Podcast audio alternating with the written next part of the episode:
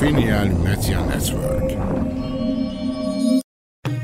Bir zamanlar bilinmeyen uzak diyarlarda bir kral yaşarmış.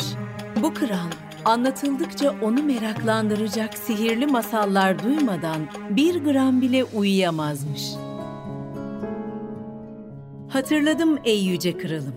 O malum gecede Kral Harun Reşit kendisini oldukça huzursuz hissediyormuş.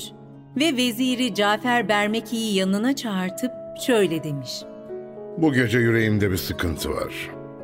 Bağdat sokaklarında dolaşıp halkımın afiyetini teftiş etmek isterim. Lakin kimsenin bizi tanımaması için tedbiri kıyafet gitmeliyiz. Vezir de şöyle demiş. Emriniz başım üstüne. Hemen üstlerindeki gösterişli kıyafetleri çıkarıp mütevazı birer tüccar gibi giyinmişler.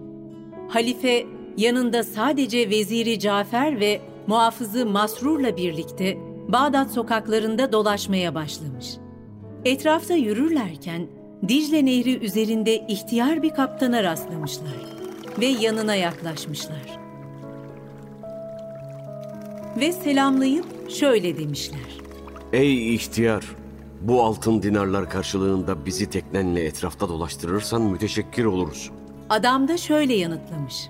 Harun Reşit her gece koskoca gemisiyle Dicle'yi baştan aşağı devriye gezip Ey gençler ve yaşlılar, soylular ve acizler, çocuklar ve erkekler, her kim ki Dicle'yi geçmeye kalkar, hepsinin boyunları vurulacak.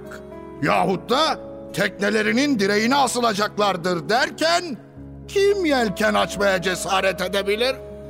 Ve kendisinden bahsetmişken, işte gemisi de bize doğru yaklaşıyor. Üç adam da duydukları karşısında hayretler içinde kalmışlar. Ve kral şöyle demiş. Şu iki altın dinarı al ihtiyar adam. Ve kralın gemisi geçene kadar bizi şu kubbelerden birinin altına götür. Orada saklanabiliriz. O halde altınları verin ve dua edin. Adam altınları kabul etmiş ve bir süre ilerledikten sonra Dicle'nin ortasından kendilerine doğru yaklaşan kandil ve meşalelerle aydınlatılmış gemiyi görmüşler. O zaman kaptan onlara dönüp şöyle demiş. Sizi kralın her gece buralardan geçtiğini söylemedim mi? Ey tanrım sen bizi koru. Hemen kubbelerden birinin altına sığınmışlar. Ve ihtiyar kaptan üstlerini içeriden kendilerinin dışarıyı görebileceği siyah bir örtüyle kapatmış. Yaklaşan geminin burnunda elinde siyah altından yapılmış meşale tutan bir adam görmüşler. Ateşini kıymetli kakule tütsülerle harlayan adam, kırmızı saten bir pelerin giymekte ve başında da Musul'dan getirtilmiş özel bir kumaştan bir sarık takmaktaymış. Bir omuzunda sarı bir süs, diğer omuzunda ise ateşi harlamak için kullandığı değerli tütsülerle dolu yeşil ipek bir kese taşımaktaymış. Geminin kıç tarafında aynı kıyafetlerden giymiş ve elinde benzer bir meşale tutan bir adam daha görmüşler. Geminin sağ ve sol tarafında ise ayakta dikilmiş en az 200'e yakın hizmetkar durmaktaymış. Kızıl altından yapılmış bir tahtın üzerinde de genç ve yakışıklı bir adam üzerinde sarı altın işli siyah giysilerle oturmaktaymış. Yanında biri Vezir Cafer'e, diğeri Masrur'a benzeyen adamlar durmakta ve adam da aynı Masrur gibi elinde kınsız bir kılıç tutmaktaymış. Kral bütün bunları görünce hayretler içinde vezirine bakmış. Cafer de şöyle demiş. Emrinizdeyim kralım. Bunlar oğullarımdan biri olabilir. Memun yahut Emin. Sonra tahta oturan genç adama daha dikkatlice bakmış ve adamın eşsiz güzellikte, boylu poslu ve zarif olduğunu görmüş. Adamı inceledikten sonra vezirine dönüp şöyle demiş. Allah adına bu adamda krallıktan hiç eser yoktur.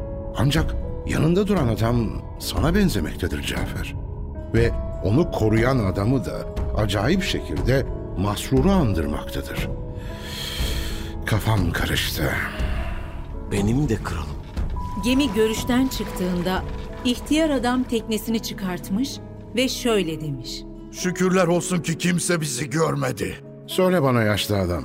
Kral her gece böyle dolaşır mı Dicle'yi? Evet efendim. Bir senedir yapar bunu. Ey ihtiyar, bizler bu diyarlara misafir olarak geldik ve senden bizi yarın gece burada beklemeni istiyoruz. Nezaketin karşılığında seni beş altın dinarla mükafatlandıracağız. Memnuniyet ve zevkle. Sonrasında kral Cafer ve Masrur kaptanın yanından ayrılıp sarayın yolunu tutmuşlar. Vardıklarında üzerlerindeki kıyafetleri çıkarıp yeniden gösterişli kıyafetlerini giymişler. Valiler, vezirler, meclis üyeleri ve vekiller gelip kurul toplandığında her biri koltuğunda ve mevkiinde yerini almış ve saray avlusu halka açılmış. Toplantı tamamlanıp halk dağıldığında Kral Harun şöyle demiş. Ey Cafer, yürüyün gidip şu diğer krala bakalım. Cafer ve Masrur, kralın söylediklerine tebessüm edip tüccar kıyafetlerine bürünmüşler. Üç adam heyecanla sarayın gizli kapısından çıkıp gitmişler. Dicle'ye vardıklarında ihtiyar kaptanı kendilerini beklerken bulmuşlar. Tekneye binip kralın gemisi görünene kadar yaklaşık bir saat oturmuşlar. Gemi yaklaşırken dikkatlice izlemişler ve gemiye 200 tane daha hizmetkar eklendiğini fark etmişler.